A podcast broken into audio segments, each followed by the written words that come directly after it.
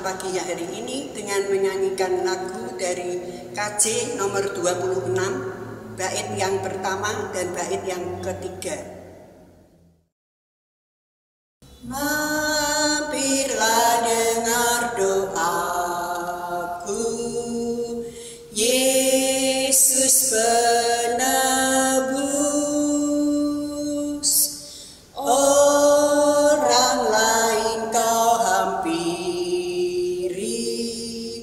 Just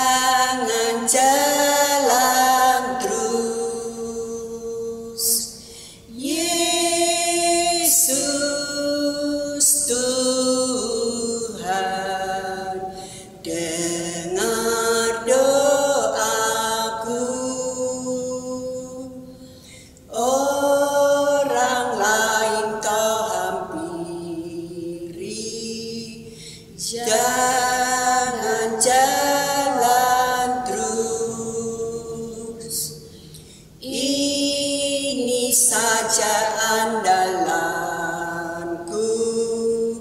Jasa kurbanmu. Hatiku yang hancur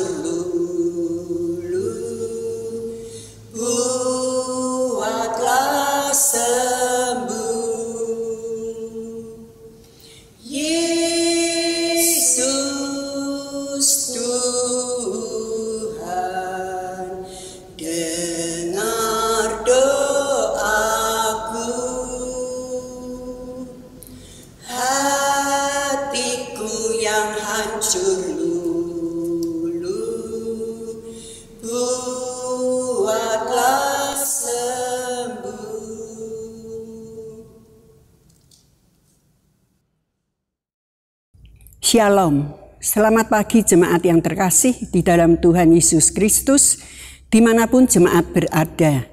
Jumpa kembali di dalam Hikmat Pagi GKI Karangsaru. Mari kita awali dengan berdoa. Bapa kami yang berada di dalam kerajaan surga, kami bersyukur dan berterima kasih atas penyertaan-Mu di dalam hidup kami, hari lepas hari.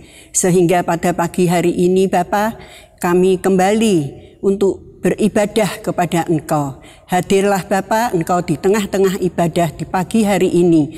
Sebelum kami melaksanakan kegiatan kami hari ini, kami rindu hidup kami Kau isi dengan firman, kebenaran-kebenaran dari firman-Mu yang akan dibawakan oleh Saudari Kesia.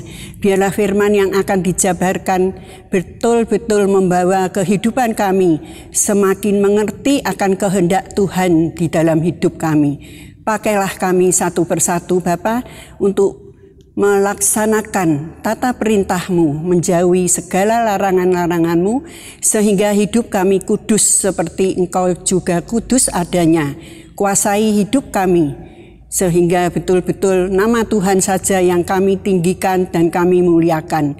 Dan kami boleh lebih menyenangkan hati Bapa. Terima kasih Bapa, di dalam nama Tuhan Yesus Kristus kami panjatkan doa pagi hari ini. Haleluya. Amin. Tema hikmat pagi hari ini yaitu hidup dalam standarnya yang diambil dari kitab Imamat pasal yang ke-11 ayat yang ke-44 yang berbunyi demikian. Sebab akulah Tuhan Allahmu, maka haruslah kamu menguduskan dirimu dan haruslah kamu kudus, sebab aku ini kudus. Dan janganlah kamu menajiskan dirimu dengan setiap binatang yang mengeriap dan merayap di atas bumi. Demikianlah sabda Tuhan. Syukur kepada Allah. Selamat pagi Bapak Ibu Saudara yang terkasih di dalam Tuhan Yesus Kristus. Saudara ada seorang penulis dan pengkhotbah yang sangat terkenal asal Inggris bernama John Bunyan. Ia suatu kali pernah menuliskan sebuah kutipan yang sangat menarik. Berbunyi, berhati-hatilah terhadap apa yang kita lakukan. Karena kita sedang berjalan menapaki jalan seorang raja, jalan yang dipenuhi oleh kekudusan.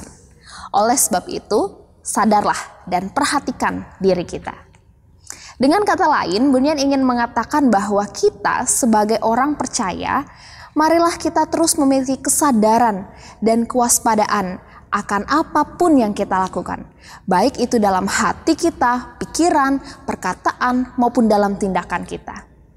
Mengapa? Karena sebagai orang percaya yang berjalan di jalan Tuhan, jalan Tuhan yang kudus, maka kita pun harus hidup berpadanan dan sesuai dengan standar kekudusannya. Dengan demikian, tentu saja kita tidak boleh hidup dengan cara hidup yang sembarangan, mengikuti hawa nafsu dunia.